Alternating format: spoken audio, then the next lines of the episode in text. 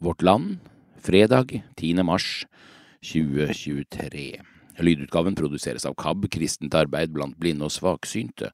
Det er Jonas Kippersund som leser. På forsiden i dagens avis er det et stort bilde av lege Torbjørn Broksten, som har blitt utbrent to ganger, av å lede Norges største fødeavdeling, og av ungdomsarbeidet i kirken. Han er gjest i Min tro, og det er fredag, og det betyr en god del kultur og bøker. Ansvarlig redaktør er Bjørn Kristoffer Bore. Leder Smakløse milliardbonuser. I et år da folk flest strevde mer med strømprisene enn noen gang, presterte Statkraft å øke bonusutbetalingene til egne ansatte med mer enn én milliard kroner, til rundt 2,2 milliarder totalt.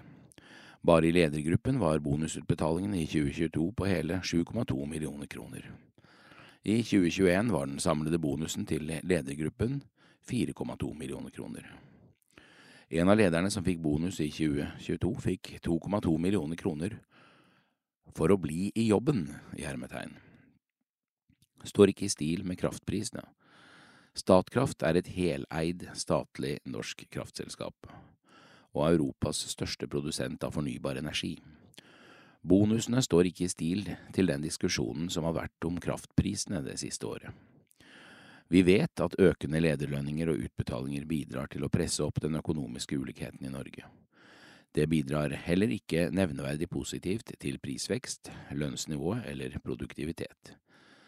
Tidligere har vi derfor sett eksempler på at næringsminister Jan Christian Vestre, Ap, har grepet inn overfor statseide bedrifter med urimelig høye lederlønninger. Nå har Vestre muligheten til å gjøre det igjen, og den bør han gripe. LO-toppen Jan Olav Andersen i El- og IT-forbundet krever overfor Dagens Næringsliv at Statkraft må være mer åpen om hvem som mottar bonusene. Litt over 400 av Andersens medlemmer jobber i Statkraft. Det er vanskelig for offentligheten å finne ut hvor mange i Statkraft som får bonus. Politiske konsekvenser. Det blir ikke bedre av at kommunikasjonsdirektør i Statkraft, Klaus Sonberg, svarer til DN at selskapet ikke har noen ytterligere informasjon eller kommentarer til bonusene utover det som ble rapportert og kommentert på pressekonferansen i forbindelse med fjerde kvartalstallene. For et statseid selskap holder ikke denne kommunikasjonsformen mål. Transparens, åpenhet og måtehold må være blant verdiene norske selskaper som er eid av staten, styrer etter. Det er bare å håpe at Vestre ikke lar Statkrafts bonusbonanza bli stående uten politiske konsekvenser. Kommentaren er i dag ved kommentator Åste Dokka. Kvinner skal visst tale i forsamlingen. Kvinner blir stadig bedt om å heve stemmen oftere, tydeligere og med mer selvtillit. Men hvorfor skal vi det, når Det nye testamentet ettertrykkelig ber oss om å la være? I Den kristne kirke lever vi med en normativ tekstsamling som flere ganger og på ulike måter slår fast at kvinner skal tie i forsamlingen. Det vil si at kvinner ikke skal ha en offentlig stemme. Like fullt finnes det et stadig repetert imperativ i alle kanaler rundt oss. Kvinner, hev stemmen! Akkurat det var for øvrig navnet på en kampanje denne avisa hadde for noen år siden for å få flere kvinner til å bidra på våre debattflater. Hvorfor skal vi snakke? I mediene er kvinner underrepresentert, både som journalister, kilder og debattdeltakere. Uavhengig av hvordan vi kom hit, forsøker alle å komme bort herfra. Kvinner må rett og slett ta ordet, og alle som har ansvar for ordet, har også ansvar for å få kvinner til å ta det. Men hvorfor? Sjelden blir det klart nøyaktig hva som gjør det så maktpåliggende at kvinner tar blad fra munnen. Men antagelig kan vi finne ut noe interessant om hvorfor kvinner ikke snakker, ved å spørre om hvorfor de på død og liv skal gjøre det. For hva er det egentlig som er så viktig med at kvinner skal delta med sin tale? For å svare kan man argumentere langs ulike linjer. En av dem er at kvinner per definisjon har noen egenskaper menn ikke har. Kvinner og menn utfyller hverandre, og hvis menn er de eneste som snakker, blir en stor del av virkeligheten ikke representert i språket. Kvinner og menn er komplementære, og like lite som kvinner kan snakke for menn, kan menn snakke for kvinner. I demokratiets navn trengs det derfor at kvinner målbærer det som er unikt kvinnelig. En slik komplementaritetstenkning var ikke uvanlig i den tidlige kvinnebevegelsen.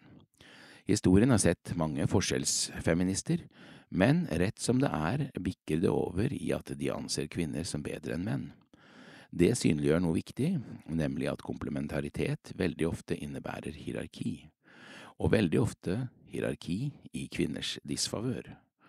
Samfunn som insisterer på kvinners og menns ulikhet, er de samme samfunnene der kvinner nettopp ikke skal tale, men tvert mot tie. Kvinner låses i for trange båser. Likhet og usynlighet. En annen tilnærming enn denne biologiske determinismen kan være at kvinner skal snakke nettopp fordi vi er like menn. Vi er like gode arbeidstagere, like gode fagfolk, like gode ledere, like gode prester. Dette blikket på kjønn ligger til grunn for moderne likestillingspolitikk, ikke minst i arbeidslivstenkningen. Men hvis vi skal tenke slik, usynliggjøres kvinner som kategori. Da kan ingen argumentere for at kvinners lederegenskaper skiller seg positivt fra menns, eller at kvinner ikke bør dele kaserne med menn i Forsvaret. Kategorien kvinne ugyldiggjøres. Like fullt vet vi at kvinner tjener mindre enn menn, har svakere tilknytning til arbeidslivet og er mye mer utsatt for vold og overgrep.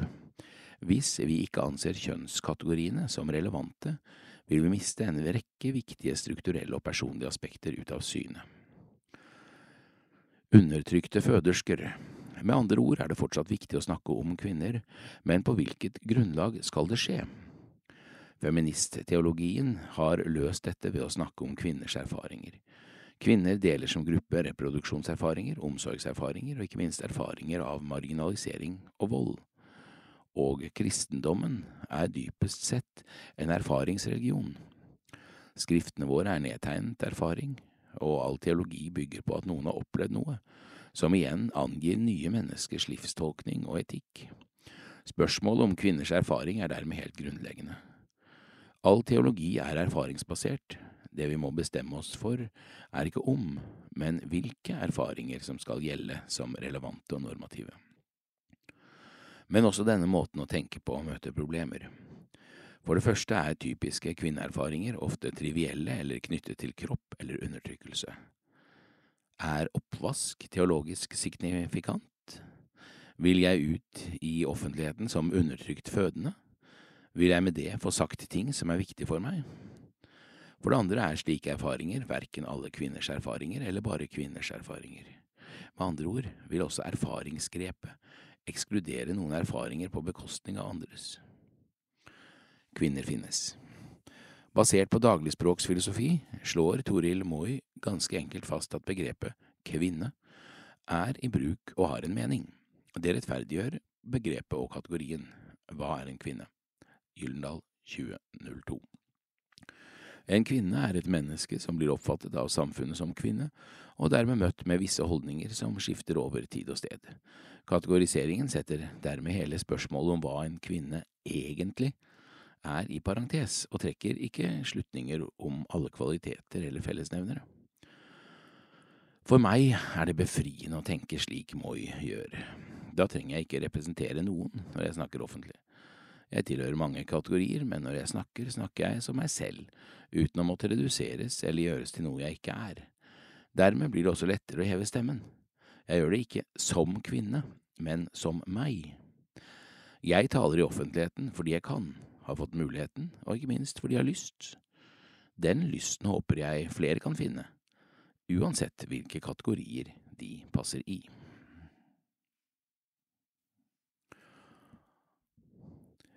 Over til nyheter. Mener Den norske kirke slipper for billig unna personvern. Den norske kirke ble tidligere i år irettesatt av Datatilsynet for å ha innhentet og lagret fødselsmeldinger for lenge. En overraskende mild reaksjon, syns Human-Etisk Forbund. De har nå klaget på reaksjonsformen. Advokaten vår har sagt til oss at Datatilsynets reaksjon overfor Den norske kirke er overraskende mild. Han har derfor anbefalt oss å klage på reaksjonsformen, sier Trond Enger, generalsekretær Human-Etisk Forbund, HEF. I januar ble det kjent at Datatilsynet irettesetter Den norske kirke, DNK, for et forhold som strekker seg tilbake til høsten 2018. I en og en halv måned hentet DNK inn og lagret fødselsmeldinger fra medlemmers barn fra folkeregisteret, uten å ha hjemmel til det. Etter at den nye folkeregistreringsloven trådte i kraft 1. oktober samme år, var dette ikke lenger lov. I juni i fjor varslet Datatilsynet at det ville komme med en irettesettelse, og 9. januar i år fattet de endelig vedtak om irettesettelse for to brudd på personvernforordningen. Det ene bruddet var fødselsmeldingene, som ikke ble stoppet, og det andre var at DNK ikke hadde gitt god nok informasjon om at personopplysningene ble innhentet. Heff er imidlertid ikke fornøyd med straffen i hermetegn, de syns irettesettelse er en for mild reaksjon overfor DNK. Det går fram av en 21-siders klage til Datatilsynet som vårt land har fått tilsyn i. Klagen er skrevet av en advokat i advokatfirmaet Bull Co. på vegne av Heff og av åtte berørte medlemmer forskjellsbehandling. I klagen hevder advokatfirmaet at kirken behandles langt mildere enn for eksempel mindre bedrifter som ilegges sanksjoner for brudd på personvernforordningen. De viser til flere eksempler på virksomheter som er blitt ilagt overtredelsesgebyr av Datatilsynet for brudd på personvernforordningen. Beløpene strekker seg fra 100 000 kroner til 1 million kroner. At DNK bare får en irettesettelse, mener de er forskjellsbehandling og undergraver hensynet til rettssikkerhet. Enger har ikke et konkret forslag til størrelse på en eventuell overtredelsesgebyr til DNK. Etterlyser ny vurdering. At det ikke ble valgt en strengere reaksjon mot DNK i utgangspunktet, har Datatilsynet begrunnet med at de mener saken blant annet har enkelte formildende omstendigheter. I kjølvannet av avgjørelsen uttalte generalsekretær i HEF, Trond Enger, at han er fornøyd med at kirken blir irettesatt og at de har endret praksis. Det er han fortsatt, fremholder han. At vi klager på reaksjonsformen handler om at vi har lyttet til vår advokats anbefaling. Vi er blitt enige med de vi klager på vegne av om at Datatilsynet bør ta en ny vurdering av straffeutmålingen, sier Enger. Har F en agenda her i å straffe en konkurrent på livssynsfeltet? Nei, vår agenda er at alle tros- og livssynssamfunn i Norge må oppføre seg i henhold til norsk lov og ivareta barns personvern, sier Enger skal ikke spekulere i motiver. Assisterende direktør i Kirkerådet, Jan Rune Fagermoen, har registrert at HEF har klaget på Datatilsynets vurdering og konklusjon. Det er HEF sin fulle rett, og heller ikke overraskende eller oppsiktsvekkende at de velger å gjøre det. Vi ble kjent med klagen i går og vil gi vår uttalelse til Datatilsynet innen fristen på tre uker, skriver han i en e-post til Vårt Land. HEF mener irettesettelse var en for mild reaksjon overfor dere, hva synes dere selv? Irettesettelse er en klar reaksjon som tydelig bekrefter at Den norske kirke lagret enkelte personopplysninger feil mellom 1. oktober og 14. november 2018, og at informasjonen om personvern ikke var tilgjengelig nok. Disse opplysningene skulle ikke vært lagret, de er slettet, informasjon om databehandling er blitt mer tilgjengelig, og vi beklager feilen vi gjorde. Hva tenker dere om HEFs engasjement for Den norske kirkes ivaretagelse av personvern? Personvern er viktig for oss alle. Etter at kirken ble skilt fra staten, har vi etablert et godt og omfattende system for personvern og informasjonssikkerhet, som ivaretar både ansatte og medlemmers interesser. Det la også Datatilsynet vekt på i sitt vedtak. Jeg skal ikke spekulere i Hefs motiver, men bruker heller energien på kirkens eget personverns- og informasjonssikkerhetsarbeid videre, skriver Fagermoen behandler klagen. Datatilsynet opplyser til Vårt Land at de er i gang med å vurdere klagen fra Human-Etisk Forbund, både om det foreligger klagerett på reaksjonsformen, og om det er grunnlag for å omgjøre eller endre vedtaket. Vi prioriterer dette arbeidet. Utover dette kan vi ikke si noe mer om vår vurdering av klagen før den er behandlet, skriver Anders Sæve Obrestad, juridisk seniorrådgiver i Datatilsynet, i en e-post til avisen.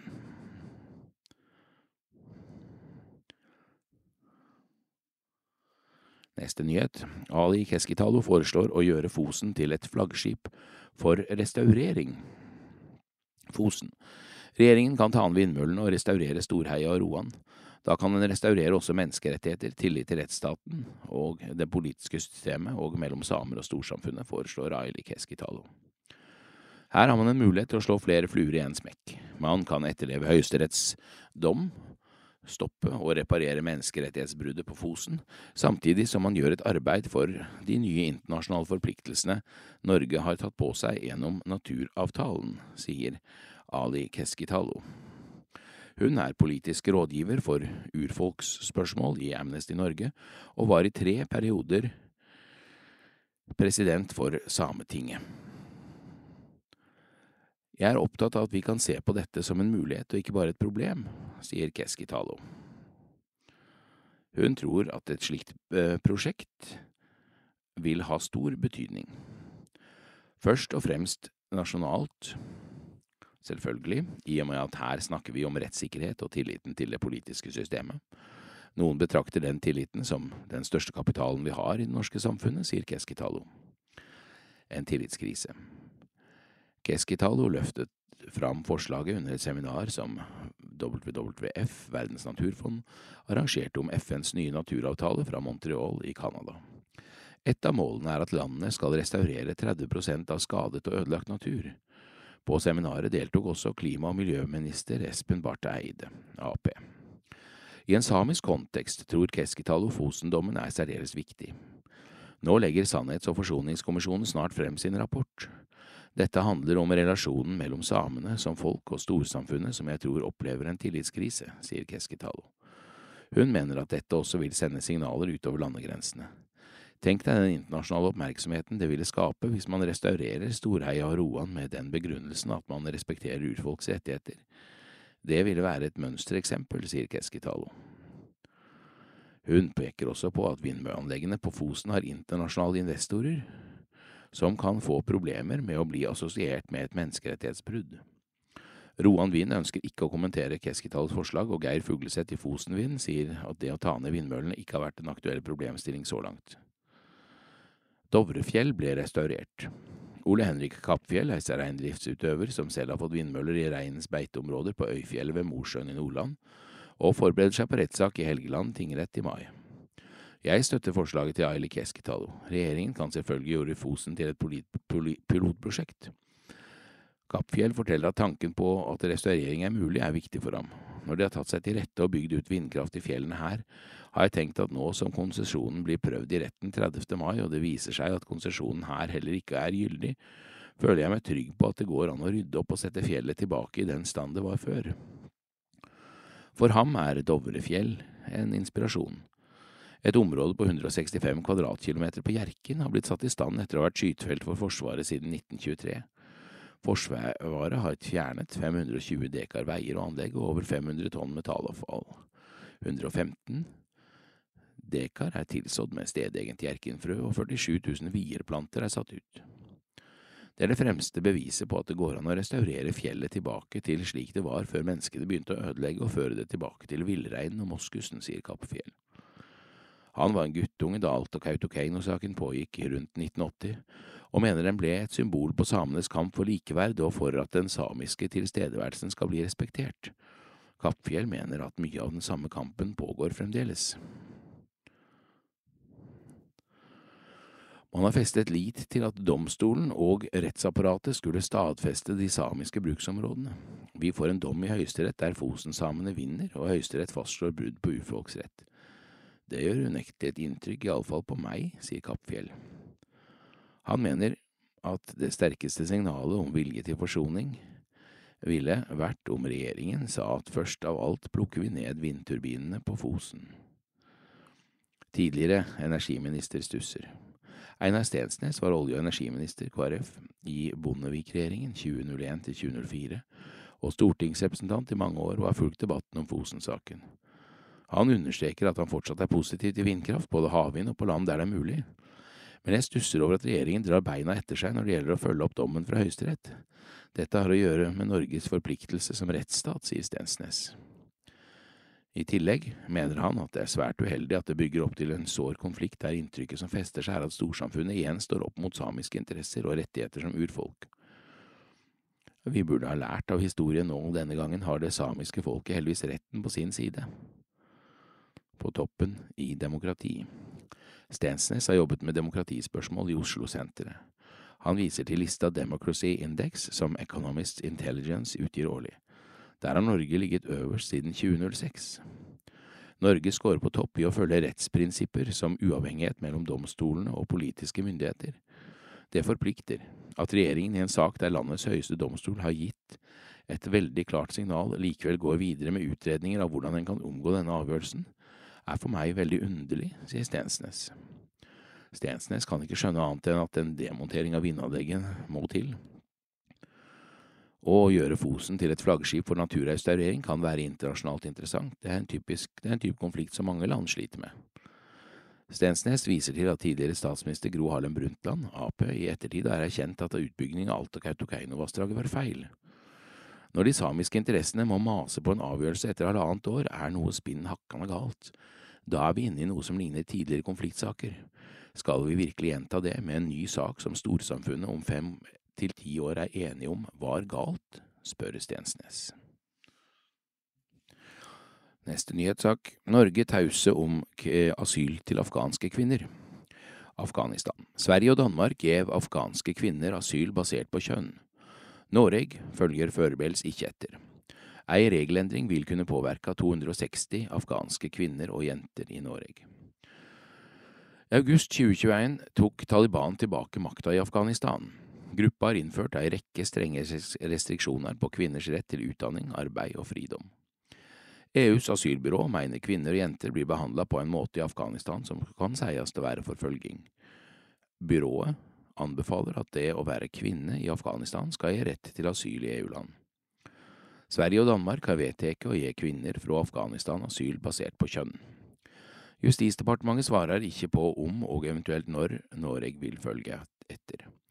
Saka blir nå diskutert mellom UDI og departementet for Vårt Land stadfesta.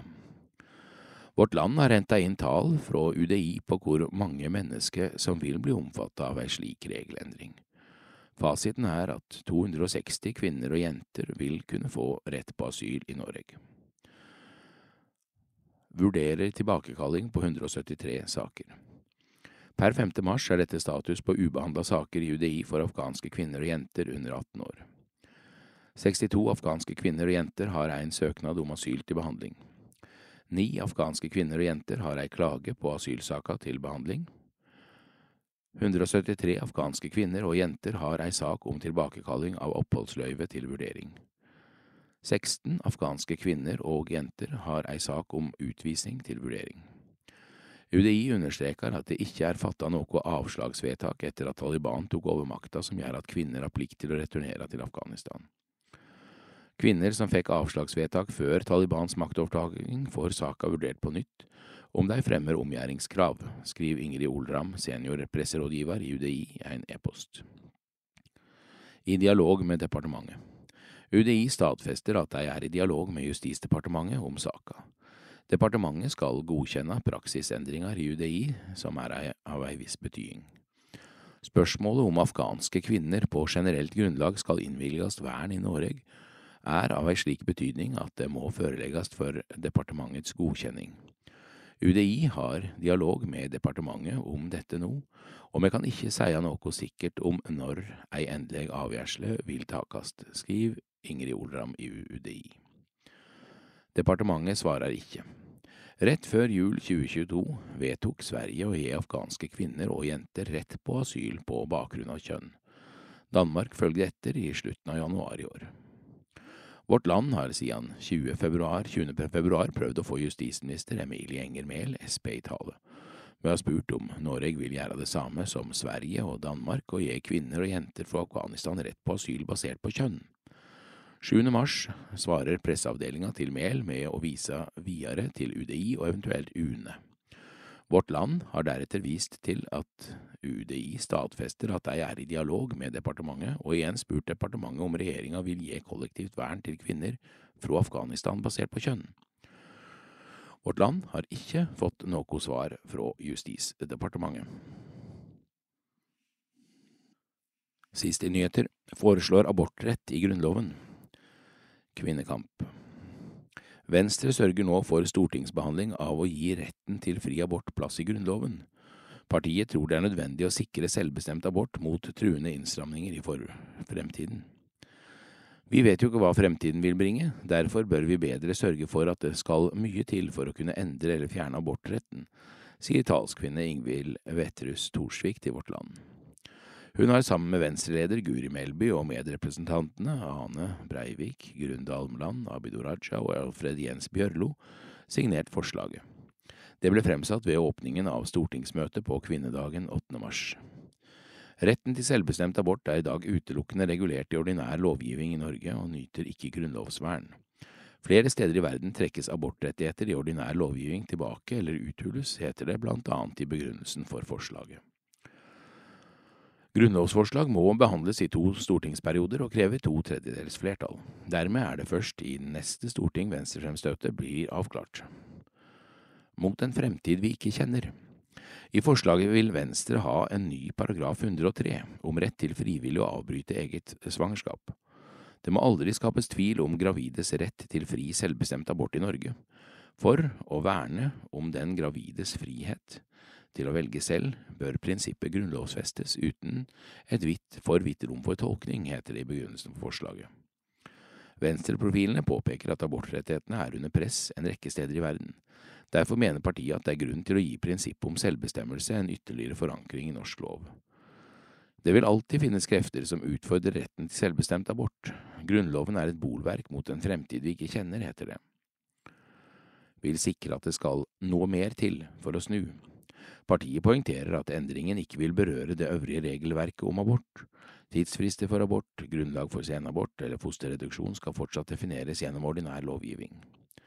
Det forslagsstillerne ønsker å oppnå ved å løfte retten til selvbestemt abort opp på et høyere trinn i lovgivningen, er at det i tiden fremover skal noe mer til for å reversere rettighetene i ordinær lov. Også i fjor fintet Venstre frem abortforslaget knyttet til kvinnedagen. Da fremmet noen av de samme representantene forslag om utvidet 16-ukersgrense for selvbestemt abort. Forslaget kom før regjeringens abortutvalg var utnevnt, og ble derfor vraket av Stortinget.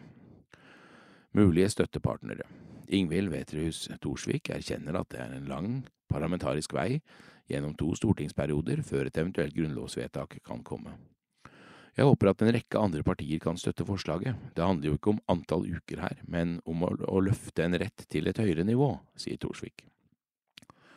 Hvilke partier tror du vil sikre grunnlovsforslaget støtte? I dag er det mange partier som ønsker en utvidelse av dagens abortgrense. De jobber også for dette fordi de mener selvbestemt abort er en svært viktig sak. Det kan tenkes at disse partiene vil ønske å løfte selvbestemmelsen til et høyere nivå i lovgivningen, svarer Torsvik. Min tro Det er i dag Torbjørn Broch Steen. Han er 47 år, født og oppvokst i Oslo, gift med Kristin Broch Steen i 18 år. Sammen har de fire døtre mellom 10 og 19 år. Han har jobba som overlege ved fødselsavdelinga på Ullevål sykehuset i Oslo i nesten 20 år. Er for tida sykemeldt og har meldt at kan bli fødselslege ved den private klinikken C Medical fra august 2023. Har offentlig kritisert svangerskaps- og fødselsomsorga i Norge, og særskilt belastninga på de ansatte grunna lite ressurser. Søkte kyrkja og Blitz. Fødselslege Torbjørn Broksten har blitt utbrent to ganger. Av å leie Norges, Norges største fødeavdeling og av ungdomsarbeidet i kyrkja.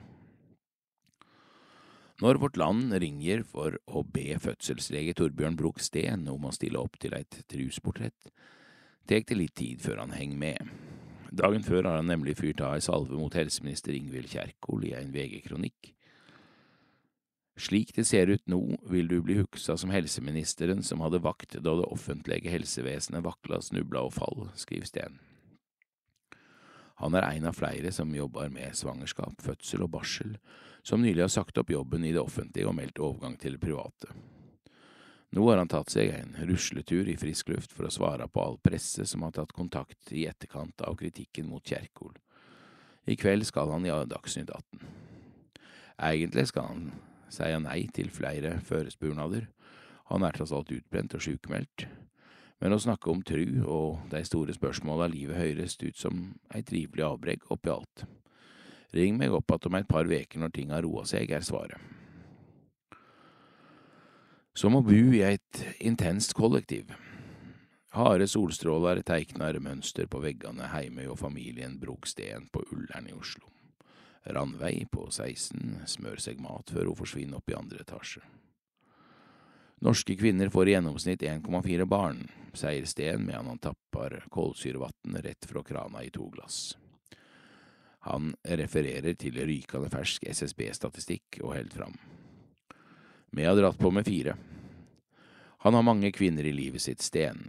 Han deler huset med fire døtre og kona. Litt som å bo i et veldig intenst kollektiv, skildrer han. Et romslig kollektiv på Oslo vest med stilreint interiør, friske tulipaner og gasskomfyr, vel å merke. De siste 19 åra har han jobba på kvinneklinikken på Ullevål sykehus. Og jammen er ikke fastlegen og psykologen hans også kvinner. Farmora hans, Eva Steen, var en av de første, om ikke den første, kvinnelige gynekologen i Norge og da unge Steen begynte på medisinstudiet sjøl, var det naturlig å se i den retninga. Og det blei kjærleik ved første blikk. Absolutt magi, eksepsjonelt, eksistensielt. Slik skildrer han sitt første opphold på ei fødestove. Han tok imot sitt første barn på et sykehus i en fattig del av Dublin under studiet. Det å være den første personen som så det vesle nye livet i auga, fikk han til å undre. Hva skal dette barnet vokse opp i, hvordan blir dette livet? Ingenting er mer action-packed enn fødsel. Sten regner med å ha vært den første om lag 2500 små mennesker har sett. Og fremdeles lyser han entusiasmen når han snakker om temaet, ikke bare på grunn av det vakre eksistensielle og mjuke. Ingenting er mer action-packed enn fødsel, ingenting har større fallhøgde, mener han. Det er så planlagt, det står tolv stykk klare når pasienten kommer inn med hver sine oppgaver. Mens på ei fødsel hører jeg Sten fødes over tre, nå, og snubler jeg i trappa da, så kan ungen dø. Ville ikke blitt gravid på nytt. Risikoen og spenninga har vært med på å drive og fascinere Sten. Starten av vakta er som å stå på startstreken i en konkurranse. Underveis dunker hjertet på innsida, men det er livsviktig å beholde roa. Likevel er det én ting som er viktigere enn alt for Sten sitt brennende engasjement for yrket – kvinnenes mentale helse oppi det hele. Vanskelige bakteppe for et svangerskap og fødsel, som rus, traume og fødselsangst, har vært Stens spesialfelt. Under Instagram-innlegget hans deler flere kvinner historier om hva Sten har betydd for deg. Ei forteller hvordan hun ikke hadde turt å bli gravid på nytt, hadde ikke vært for Sten. Ei anna takker for hvordan han var til stades for det de etter at de mista et barn, og losa henne trygt gjennom å få nestemann. Andre takkar for korleis dei i Sten møtte noen som brydde seg, lytta og støtta deg. Måtte Gud belønne deg, avslutta dei. Nei. Livsforvandlende opphold i Etiopia som 14-åring. Sten vokste ikke opp i en kristen familie utover sånn, sånn standard, men han tok sjøl et valg i ungdommen om å tro på Gud. Da Sten bare var et 14 år gammel, skulle kompisen bli med faren sin til Etiopia i et halvt år. Han skulle jobbe for FN, om ikke Sten ville bli med. Landet var i aktiv krig med Eritrea, og hadde nylig vært prega av hungersnød etter lange tørkeperioder. Galskap kaller Sten det, og sier ja. Det blei overveldende for den unge gutten fra Oslo vest å se fattigdom og svolt med egne øyne. Jeg måtte finne ei mening i alt dette. En dag ligger Sten sjuk i senga si i Addis Abeba og hører på en Bjørn Eidsvåg-plate. Plutselig står det klart for han hva han må gjøre. Han tek to valg. Ok, da tror jeg på Gud. Ei eller annen makt må ha en overordna plan som gjør at dette kommer i mål. Og så skal jeg bli politisk aktiv. Blitzar, anarkist og kristen. Og skal det være, så skal det være, for Sten er det naturlig å gå langt ut til venstre. Blodraut, eller ikke blodraut engang, anarkistisk. Når Sten kjem heim att, setter han begge vala ut i livet. Han blir med i ungdomsarbeidet i Røa kyrkje, og begynner å gå på Blitzhuset, en samlingsplass for venstreradikale. For Sten var det en helt naturlig kombo. I måten jeg las Bibelen på, så var det ingen som var så, ja, nærmest anarkistiske som Jesus. Han var det mest rause og minst dømende mennesket jeg fant. Men ikke alle så det som en naturlig kombinasjon. Sten opplevde ikke å bli tatt imot med åpne armer i kyrkja. Det var ikke heilt lett å svelge at de hadde fått inn en blitzer med langt hår, men alle med sideskill fra besteborgerlige heimar, det var tipp topp. Dødsbra, med fulle ungdommer i kyrkja. Han let seg ikke stoppe av det og går inn i arbeidet med hud og hår, Leier fredagsgruppa i Kyrkjelyden. Der kunne det snuble inn fulle ungdommer rett fra fest, akkurat slik det skal være, mener Sten. Hvis det er den halvtimen den kvelden der de kjenner seg trygge og i ro, så er det dødsbra. Det er akkurat det kyrkja er skapt for. Sten slår engasjert ut med armene og knipser med begge hender. Som vanlig har ikke Sten noe midt imellom-modus, han brenner ljos i begge ender og kjenner seg etter hvert utbrent. Måten han blei møtt på i kyrkjelyden har sett spor. Det var ingen som var slik We got your back. Nå har du jobba hardt, la oss ta over. Først må jeg jobbe for å bli godtatt fordi jeg er politisk aktiv på venstresida, og når jeg nå har det vanskelig, er det ingen som er der for meg. Glem det. Sten bestemmer seg for å trekke seg ut av kyrkja, men å beholde den grunnleggende trua på Gud. Kroppen sa stopp. Desto mer tid og krefter til de andre tinga i livet som opptek Sten. Han er ikke redd for å mene ting høyt. Flere ganger har han ropa varsko om at mors psykiske helse for ofte blir nedprioritert. Likevel synes, synes han utviklinga går feil veg. Tidspresset blir bare verre, bemanninga mindre. Sjøl tror han mykje av grunnen til de lave fødselstallene ligger her, og her er også grunnen til at Sten nå er sjukmeldt. Etter snart 20 år som toppidrettsutøver, i hermetekken, sa kroppen stopp. På dag to eller tre av et opphold på Villa Sana, et senter drevet av Legeforeningen og Modum Bad, så han seg i spegelen og innrømte for seg sjølve at han var utbrent. Det skulle enda ta måneder før han blei sjukmeldt. Det skjedde først etter det Steen sier er flere forsøk på å få tilrettelegging på arbeidsplassen. Omtrent samstundes tek han ei avgjersle som sitter langt inne. Han, sier, han bestemmer seg for å seie opp jobben for å gå over i det private, for familien og helsa si skyld. For første gang i sitt voksne liv har Sten tid til å tenke de lange tankene, reflektere over hva som gir mening i livet, hva val han har tatt i livet. Og så er det mer tid til de ørten andre lidenskapene i livet. Seinere i dag skal det snikres ny veranda. For få dager siden var framtidige kollegaer inviterte til en åtteretters rundt det ovale bordet. Og én ting står tydeligere fram enn noen gang. Det er de menneskemøta rundt bordet eller andre steder, med kjente og ukjente, som utkrystalliserer seg som det viktigste. Ei form for livsløgn. Jeg og kona har snakka om det, i den grad en tør å måle livet etter en målestokk, tror jeg det må være etter om vi har klart å skape, skape en åpen heim der alle mulige folk er velkomne, du har med fått, fått det til, mener Sten. Det er noe av det som gjev livet mening. Sten har lenge vært tydelig på at familien kommer først, og at det er andre ting enn jobben som er det viktigste i livet. Du har ikke et yrke en vanligvis vel for å ha det enkelt, behagelig og med god tid til andre ting. Det du peker på har vært ei form for livsløgn, for sjøl om jeg har mye energi, strekker ikke tida til på heimebane når jeg jobber vakter og tredje hver helg. Sten ser at prioriteringa av familie og venner har vært mer i teorien enn i praksis. Og nå i etterkant ser jeg at det er kona mi som har båret det hele.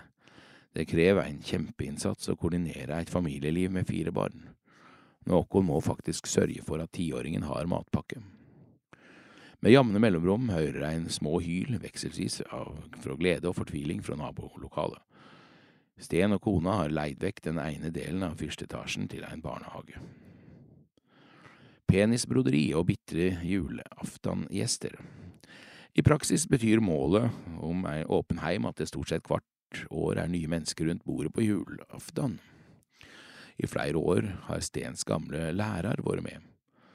En bitter, ensom fyr. Han bidrar ikke med noe julestemning akkurat, men han er med, og det skaper en dynamikk å ha ulike folk rundt bordet. Det hele botner i et mantra Sten setter høgt, å være raus uten men. Veldig mange har lyst å være rause hvis det passer inn i noe annet, hvis det er politisk eller teologisk rett. Men Sten vil at vi skal være rause uten atterhold. Grunngjevinga til det finner han mellom annet i Bibelen. På kjøleskapet er ordet penis stava i fargerike krostingsbokstaver, et konkret døme på familiens raus utan menn-tilnærming. Broderiet er laga av ei venninne av niesa til Sten, og kunstverket fikk bu her, da foreldra og kunst- og håndverkslæreren til den unge opphavskvinna ikke setter pris på det litt opprørske prosjektet hennes. Vil helst slippe preika. Framleis kan Sten gå i kyrkja i ny og ne. Han setter stor pris på salmesongen, liturgien og rituala, men preika kunne han klart seg uten. Det handler ikke nødvendigvis om innholdet. Jeg tror veldig sjelden på at den prausten er raus uten noen menn, jeg tror ikke noe på det. Likevel vil han ikke gi, ville han gi kyrkja en ny sjanse som voksen. Som vanlig går han all in. Han og en gjeng stiller egen liste ved kyrkjevalget i 2015, og Sten blir soknerådsleder i Ullern. Det de vil mellom anna jobbe for ei større mangfold i kyrkja og få inn flere unge. Alle skjønner at dette dør ut, liksom. Endelig kommer det et friskt pust med masse nye folk i varierende alder. Men vi opplevde ingen inkludering eller velkomst fra de eldre i kyrkjelyden. Tvert imot. Han ser at det ligger politikk i det. I den tidligere soknerådslederen kaller det et kuppforsøk. Det er, interne, det er interne konflikter i kirkelyden, og det kan være ikke trugende med alle disse nye som kommer på banen.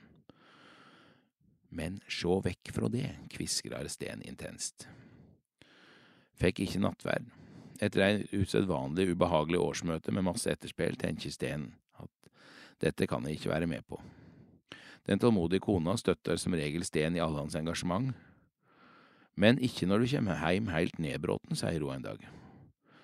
Sten trekker seg ut. To ganger har jeg gått inn i kyrkja med full mundur, og begge gangene blir blitt veldig skuffa på vei ut.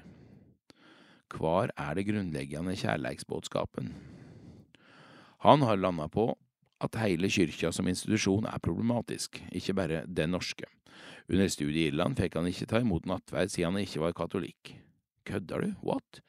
Satt liksom Jesus i Getseman og sa, Gjør dette til minne om meg, men vær veldig nøye på hva for en kyrke, et kirkesamfunn som folk tilhører. Sten er redd kyrkja blir en liten klubb for spesielt innvia. Per nå er han vara i soknerådet i Ullern, men stiller ikke til attvalg. Legen ønsker seg et samfunn der, tru, der å tru på noe annet enn ting og sosiale medium er viktig, og tror kristendommen har noe å bidra med, men ikke om kyrkja helt fram i samme retning. Kyrkja kommer til å bli en stad som handler om dåp, konfirmasjon, julaften og gravferder. Og det er helt katastrofalt i ei tid folk kjenner på uro, depresjon og eksistensielle spørsmål de ikke finner svar på. Sten nikker subtilt om mottaket. Det er ei gavepakke der oppe. Det er andre dimensjoner rundt livet, og det trenger mennesket. Fire raske. Gud er raus, jeg klarer meg ikke uten kona mi. På gravsteinen min skal det stå betydde noe for andre. Boka alle må lese. Kafka på stranden av Haruki Murakami.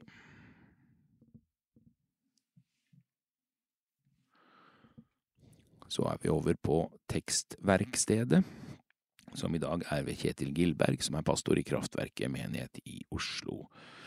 Bibelteksten er hentet fra tredje søndag i fastetiden, Lukas 11, 14–28.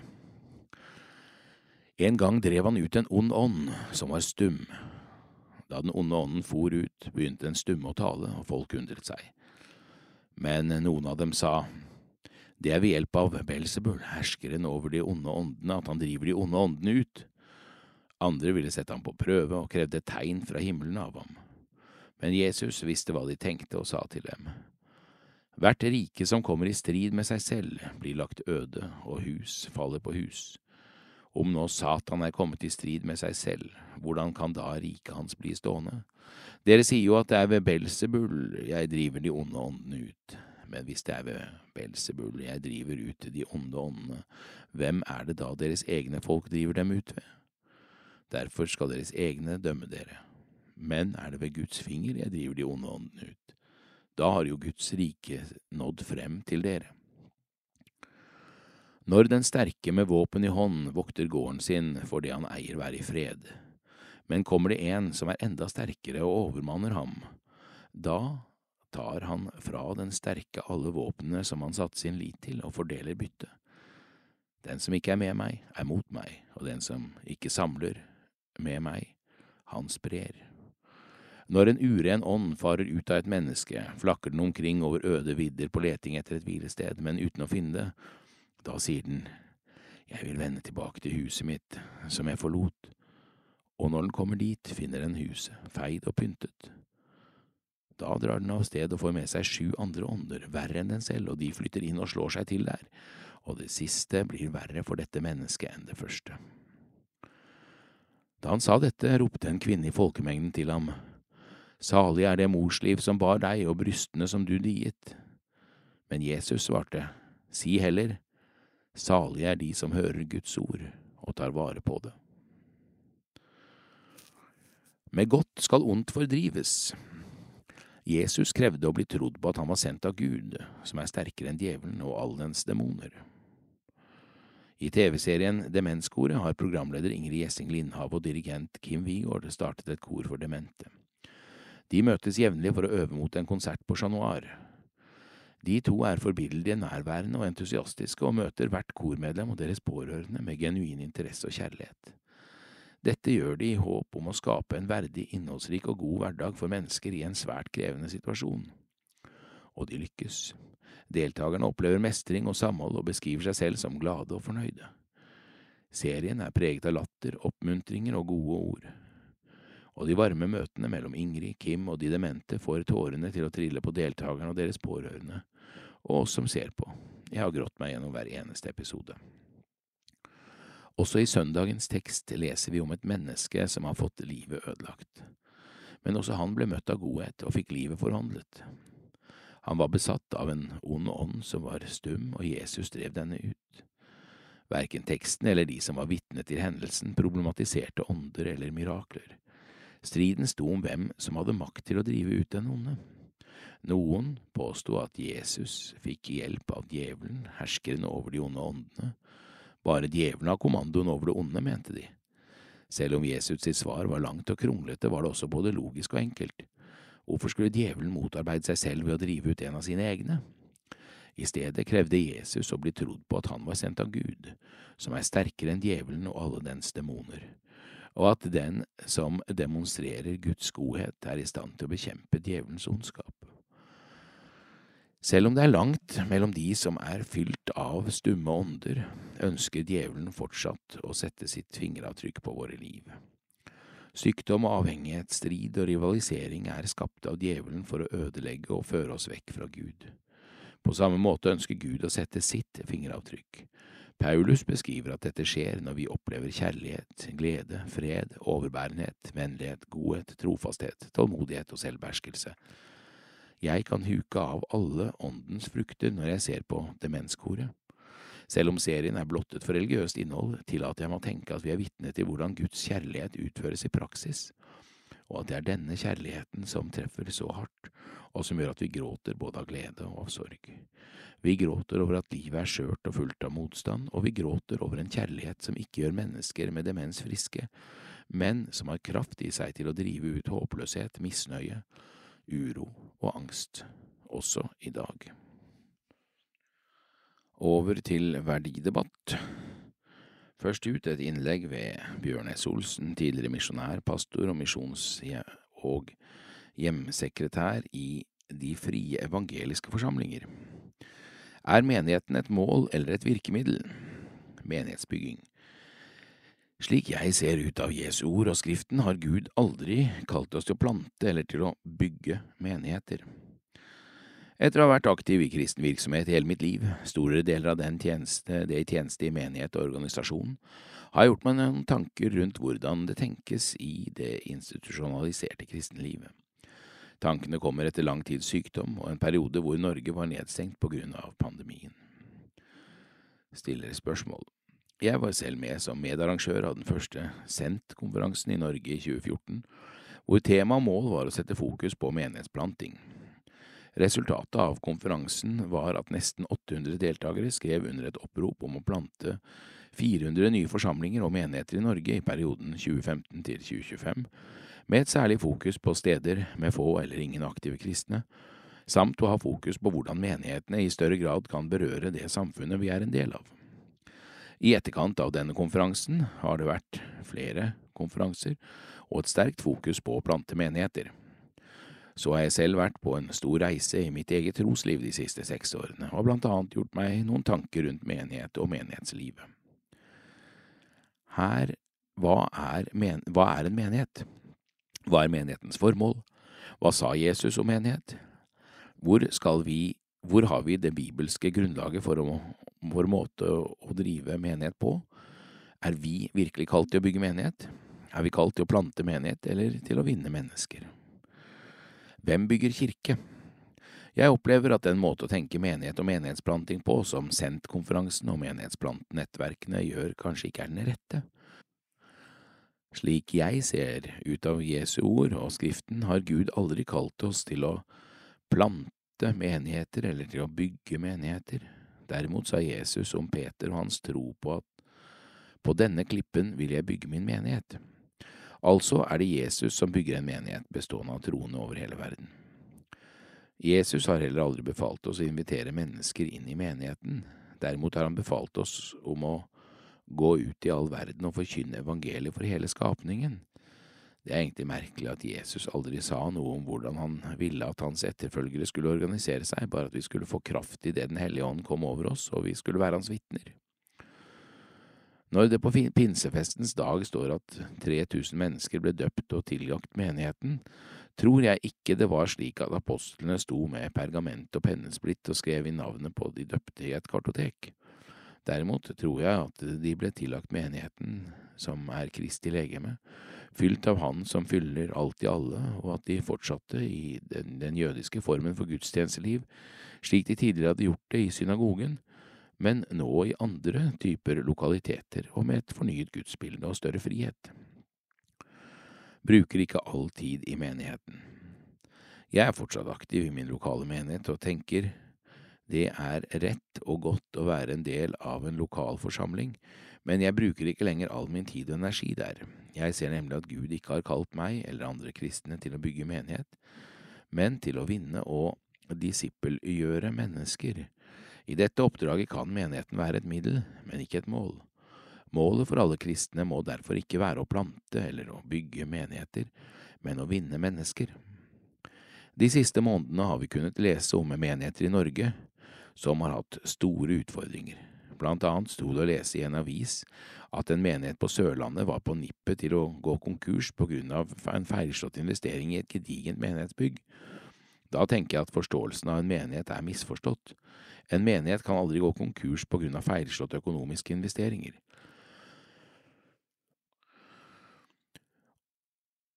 Organisasjonen som menigheten er organisert i, kan gå konkurs, men menigheten som Kristi legeme vil like fullt kunne samles til gudstjeneste uavhengig av organisasjonsform eller myndighetenes og investorenes inngripen. Den eneste måte menigheten kan gå konkurs på, er ved å miste fokuset på misjonsbefalingen. I så måte er det nok dessverre mange menigheter i Norge som er teknisk konkurs. Så et innlegg fra Magnhild Meltveit Kleppa og ordfører Anita Husøy Riskedal, Senterpartiet i Hjelmeland. De ureturnerbare er mennesker, de bor i kommunene våre. Flyktninger. Det er med i kommunene som opplever realitetene i politikken som vært utøvd. Det er med som å si nei til å yte helsehjelp, nei til et verdig liv. Regjeringa skal sette standarden for hvordan samfunnet vårt skal være. Vi har trua på en bedre standard nå. Vi vil gjerne tro at Senterpartiet i regjering betyr noe. Derfor er denne linja i partiprogrammet viktig og rett. Senterpartiet vil gjennomgå situasjonen for ureturnerbare asylsøkere, særlig med hensyn til statsløse. Ifølge NOAS er det i dag anslagsvis 500-600 mennesker som lever i Norge uten rett til å jobbe, uten rett til helsehjelp, uten rett til å skaffe seg en bostad, og de har vært her i mer enn fem år, i Norge i 2023. Ureturnerbare flyktninger er de som ikke får oppholdsløyve, men heller ikke kan sendes tilbake. La oss slå det fast, dersom de hadde hatt et alternativ å returnere til, så hadde de ikke valgt å leve som rettsløse og utstøyte i Norge i årevis. Vi mener regjeringa må innvilge amnesti til disse som har vært her mer enn fem år. Regjeringa må også endre regelverket. Vi kan ikke føre en politikk der ei heil gruppe mennesker med vitende og vilje blir plassert på utsida av samfunnet. Det blir i denne sammenheng å snakke, om presedensen det vil skape om vi innvilger opphold. Dette handler om mennesket. Presedens er det statsforvalteren og fylkeskommunen bruker i argumentasjonen rundt motsegner til kommunale planer. Dette gjelder medmenneska våre. Det handler om enkeltmennesket som holder til i kommunene våre. Enkeltkommuner, som til dømes Bergen, har nå innført egne regler for å ivareta de ureturnerbare som holder til hos deg. Vi kan også lese i partiprogrammet vårt Bosetting, arbeid eller utdanning er avgjørende for å komme inn i det norske samfunnet så fort som mulig, lære seg språket og delta på lik linje med alle andre. Det er nødvendig for å bevare nødvendig tillit til hverandre og unngå utviklingen av parallellsamfunn og ekstremisme. Vi kunne ikke være mer samde, sjølsagt er det slik, les med videre, finn meg. Senterpartiet vil ha en innvandrings- og integreringspolitikk som setter menneskeverd i fokus, hvor mennesket med enkeltmennesket har klare rettigheter og plikter. Slik kan vi holde fram punkt etter punkt.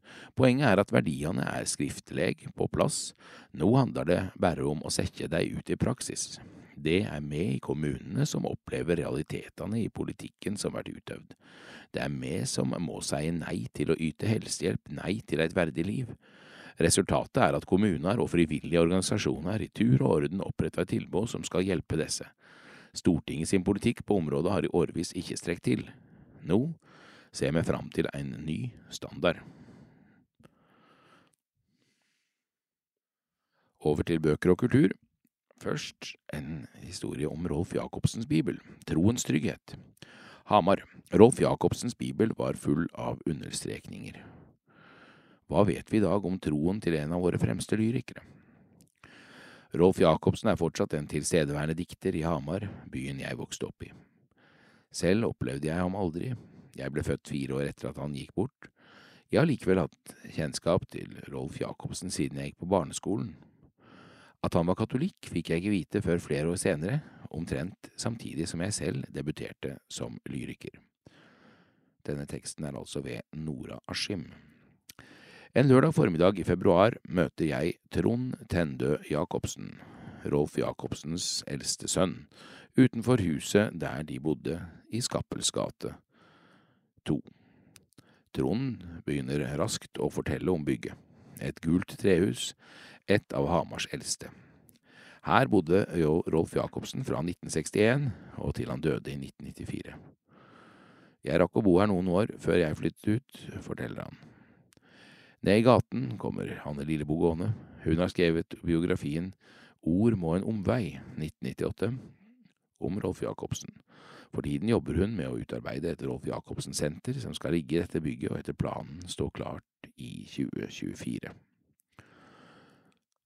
Tendø Jacobsen og Lillebo har kjent hverandre i flere år, og samarbeider om formidlingen av Rolf Jacobsens liv og virke ved flere anledninger. Lillebo låser oss inn, og vi går opp i andre etasje, inn i dikterens gamle leilighet. En tidlig modernist. Rolf Jacobsens debutsamling Jord og jern kom i 1933. Sigurd Hoel var konsulent, og mente den unge poetens talent var stort og utvilsomt.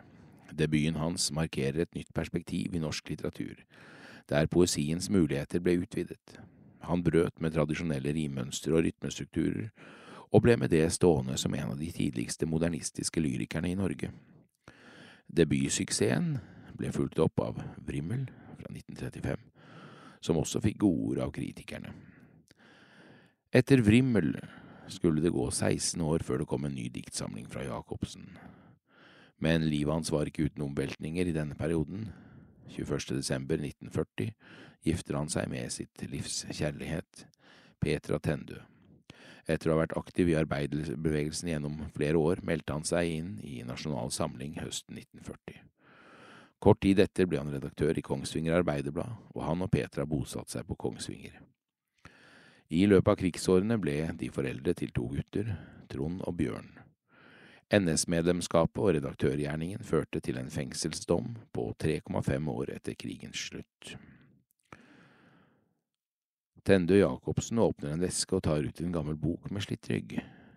På innsiden av omslaget øverst på siden er det stemplet Kongsvinger fengsel. Nederst har Rolf Jacobsen skrevet sitt eget navn med blyant. Dette er hans utgave av Det nye testamentet.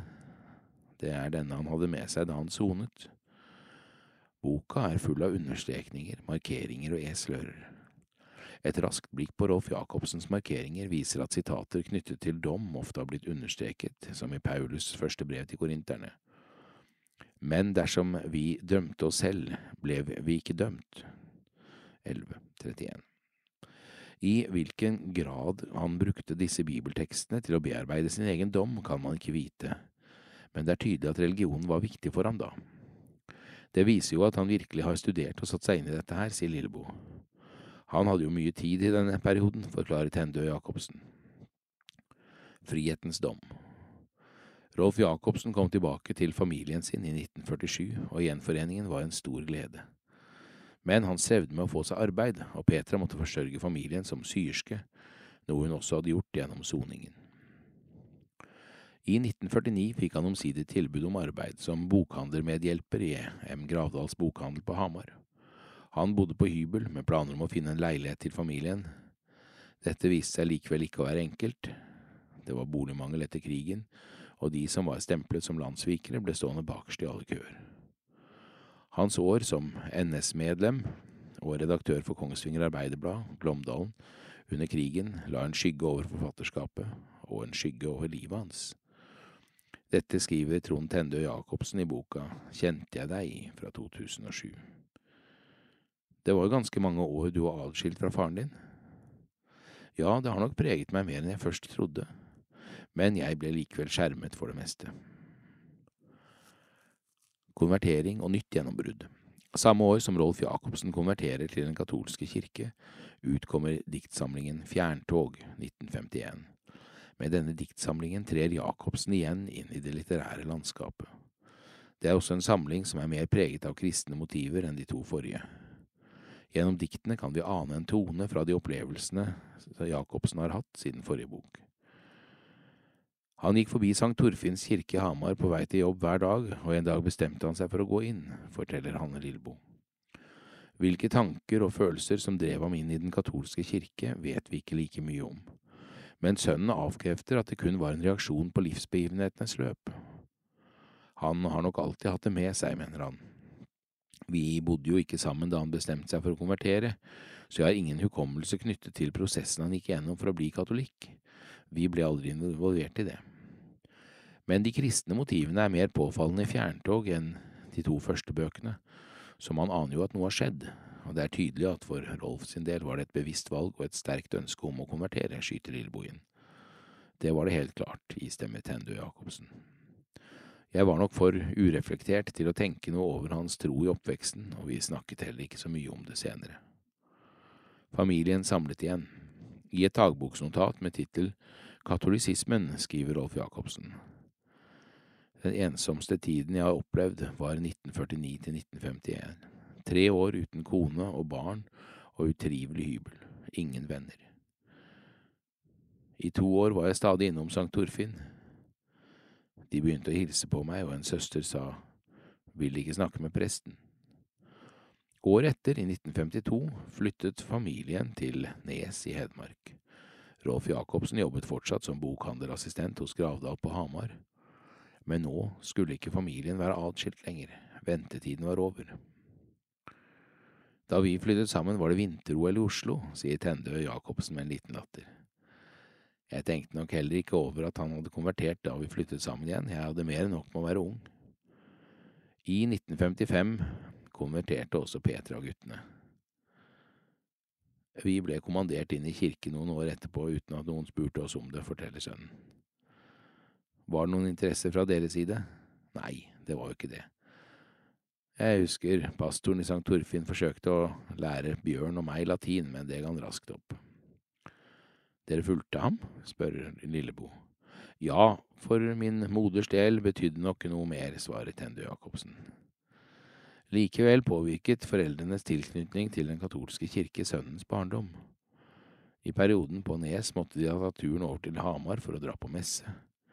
Tende Jacobsen erindrer også gode minner knyttet til sine barne- og ungdomstid som nykatolikk, hovedsakelig de gode menneskene han møtte. Er du praktiserende katolikk i dag? Nei, det er ikke en del av meg. Men jeg tror Rolf levde slik han ville med tanke på kristendom og å være et bra menneske, for å si det på den måten. Jeg har aldri hørt ham banne, knapt nok sett ham sint. Katolske spor. Av dem som har sett på de katolske påvirkningene i Rolf Jacobsens forfatterskap, er det en generell enighet at han ikke var en utpreget katolsk forfatter. Både Lillebo og Tendø Jacobsen slutter seg til dette. Du kan se spor i diktningen hans etter en religiøsitet, men det er ikke noe utpreget. Det er ikke det du først og fremst tenker på, sier Lillebo. Tendø Jacobsen legger til. Jeg tror det er mer en generell religiøsitet man kan spore der, enn en utpreget katolisisme. Det ligger en søken der. Han dro også mye til Italia. Rolf Jacobsen forble en produktiv dikter etter krigen, og i dag er han mest kjent som modernist, men også en dikter som tok naturen i forsvar i dikt som landskap med gravemaskiner og Til jorden. Men kan Rolf Jacobsens naturperspektiver være kristent forankret? Det må ta vare på skaperverket, spør Lillebo. For eksempel.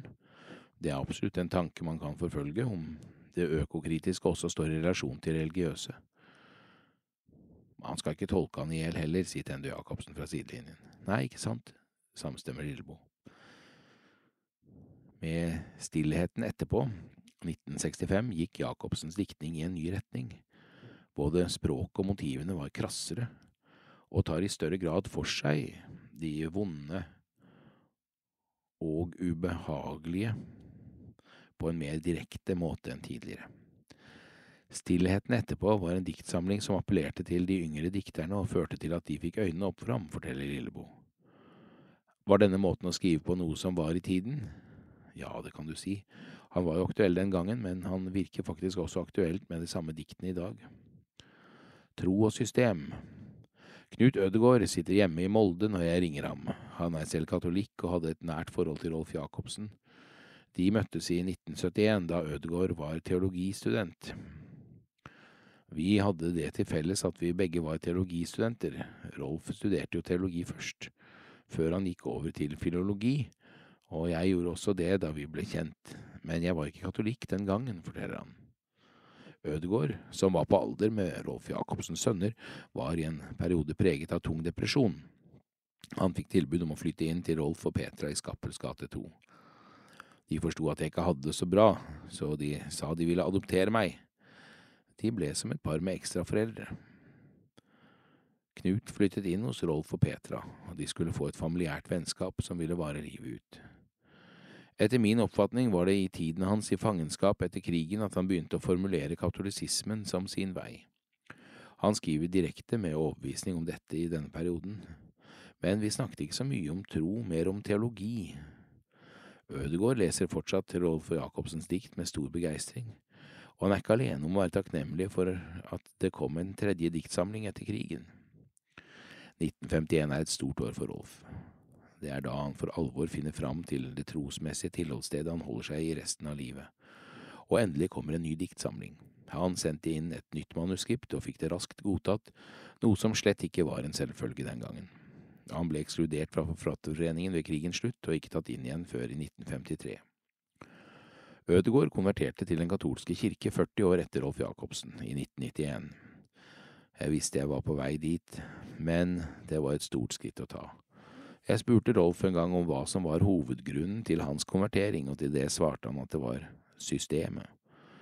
Jeg syntes det var rart den gangen, men det handlet mest av alt om stort og smått har et system, ting henger sammen, og dette går igjen i lyrikken hans. Kanskje er det dette systemet han prøver å konkretisere i diktene sine, heller enn et forsøk på å ta vare på skaperverket. I et intervju med Olav Vesaas fra 1974 hevder Rolf Jacobsen at sammenhengen mellom natur og mekanikk kan stå som et slagord for hele hans forfatterskap. jf. debutboka hans Jord og jern. Desember 1983 mistet Rolf sin Petra. I 1985 kom Rolf Jacobsens siste diktsamling, Nattåpent, som bærer med seg en annerledes tone enn de tidligere bøkene. Det var sorgen etter Petras død som ga oss en av de sterkeste diktsamlingene fra ham. Nattåpent er en helt fantastisk bok, sier Ødegård. Jeg skal daue snart. Rolf Jacobsens verden ble en annen etter at Petra døde.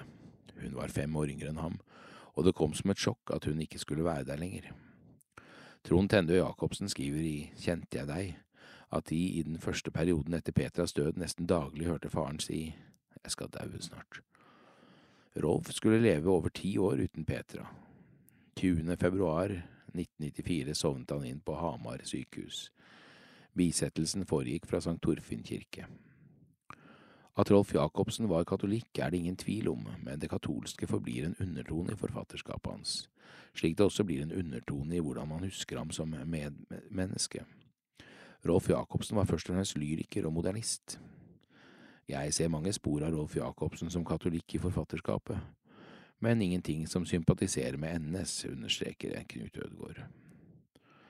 Trond Tennø Jacobsen minnes faren sin som mild og god, men ikke som en typisk moderne farsskikkelse. I et essay i tidsskriftet Signaler skriver han Han var ingen nær og varm pappa, men han var så veldig mye annet som kompenserte for det. Han pirret og oppmuntret vår nysgjerrighet, både i litteratur og på mange andre måter, og så var han så flink til å sette fantasien vår i sving, ikke minst når han øste av sine brede historiske kunnskaper. I dag finnes det altså flere spor etter Rolf Jacobsen som Hamar-dikter. På et av torgene i byen henger et håndskrevet dikt, inne på Gravdal bokhandel og kafé henger et stort fotografi av ham med sigarett i munnen, og utenfor Skappertsgate 2 står Nils Aases byste av forfatteren. Hvert år markeres også Nordisk poesifestival Rolf Jacobsdagene, Rolf Jacobsen-dagene på Rolf Jacobsens fødselsdag, 8. mars. Om noen annen lyriker kommer til å bety så mye for Hamar by som Rolf Jacobsen gjør og gjorde, gjenstår å se. Men selv om vi snart markerer 30 år fra hans død, lever diktene i beste velgående. Vi tar en anmeldelse. Det er av Thomas Korsgaards debutroman, som heter Hvis det skulle komme et menneske. Farvel til sosialdemokratiet. I Thomas Korsgaards debutroman beskrives en fattigdom som sjelden kommer til uttrykk i nordisk litteratur. Coming of age, bildungsroman, dannelsesroman, utviklingsroman, kunstnerroman, you name it. Forfattere og lesere har i århundrer hatt en dragning mot oppvekstromaner. Kanskje rett og slett fordi det er felles for oss alle. Vi alle har hatt en oppvekst, det er skålen vi er formet etter og akkurat hva denne formen består av, og hvordan det påvirker et menneske, har siden romansjangerens begynnelse vært stoffet som litteratur har blitt laget av. Litterært fenomen En far står i et gårdskjøkken med en nyslipt spade og halshugger rottene som har gnaget seg inn bak panelet. Rolig vasker moren opp blodsølet mens rottekadavrene blir kastet i den voksne haugen med døde dyr på gårdsplassen. Starten på Hvis det skulle komme et menneske setter tonen for danske Thomas Korsgaards debutroman som kom i 2017, da han var 21 år. Korsgaard har med sin triologi om gutten Tue, som vokser opp på en gård på landsbygda under finanskrisen i 2008, blitt et litterært fenomen i Danmark med over 200 000 solgte eksemplarer og stående applaus fra kritikerne. Den siste boka i trilogien, Man skulle nok ha vært vært der, vant i 2021 litteraturprisen det gylne laurbær, som er motsatsen til bokhandlerprisen i Norge. Seks år etter utgivelsen i Danmark er det kritikerne i Norge som klapper for skildringene av hans opp en oppvekst som er preget av fattigdom og omsorgssvikt. Et saktegående leirras. En liten gutt vet altfor mye og nesten ingenting om døden. For tenåringen Tue har døden alltid vært med ham. Han har hele livet fryktet at den skal gripe inn i familien og endevende livet hans. Han er vant med kalver som får lungebetennelse, og at reven maltrakterer hønene, noe haugen av råtnende dyr er et bevis for. Men da den lille søsteren hans dør under fødselen, samtidig som finanskrisen legger hele livsverket til faren i grus, tar døden noe fra en familie som allerede har lite av alt. For det er ikke et tydelig før og et efter i Tues liv. Oppveksten er heller et saktegående leirras, der død og resesjon er enorme krefter som river med seg på veien det lille som var av trygghet, omsorg og vennlighet i en allerede dysfunksjonell familie. Thomas Korsgaard beskriver med et humoristisk og barnlig blikk en oppvekst som ved nærmere ettersyn er fryktinngytende gold, blottet for de tingene en trenger for å kjenne seg trygg i verden. Det er rart hvor ubehagelig det kan være å le av en gutt som må gjøre sitt fornødne i toppen av et tre fordi faren står skremmende standhaftig under, fly forbannet for noe ungen har gjort. Det er en fortellerstil som med sin avvæpnende sjarm tilslører alvoret, samtidig som det gir et innblikk i en effektiv overlevelsesstrategi. Etter lillesøsterens død forsvinner moren inn i en lammende depresjon, hvor eneste aktivitet er å spille bort penger hun ikke har på nettbingo. Da faren må selge gården til sin rike bror, er han konstant truende og sint. På skolen har Tue klippekort hos rektor, som bare sukker og sier Hva har du gjort nå, da, når hun ser Tue i døra. Det er en nådeløs barndom pakket inn i et gøyalt papir. Dobbelteksponering. Det er ikke mulig for meg å lese hvis det skulle komme et menneske uten å tenke på franske Edvard Louis og nederlandske Marike Lucas Ringvelds for overveldende gode debutromaner, som begge beskriver oppvekst i både materielt og emosjonelt fattige kår på landsbygda under finanskrisen. 21 år gammel tok Edvard Louis litteraturverden med storm med romanen Farvel til Eddie Belgueil, 2014, en sosiologisk beskrivelse av egen oppvekst i et fattig industriområde nord i Frankrike. Marike Lucas Rinveld fikk et internasjonalt navn, 27 år gammel, som vinner av den internasjonale bukkeprisen for Kveldens ubehag fra 2018. Da gjenstår det bare å ønske dere som har fulgt denne lydutgaven av Vårt Land, produsert av KAB, Kristent arbeid blant blinde og svaksynte, og lest av Jonas Kippersund, en riktig god dag.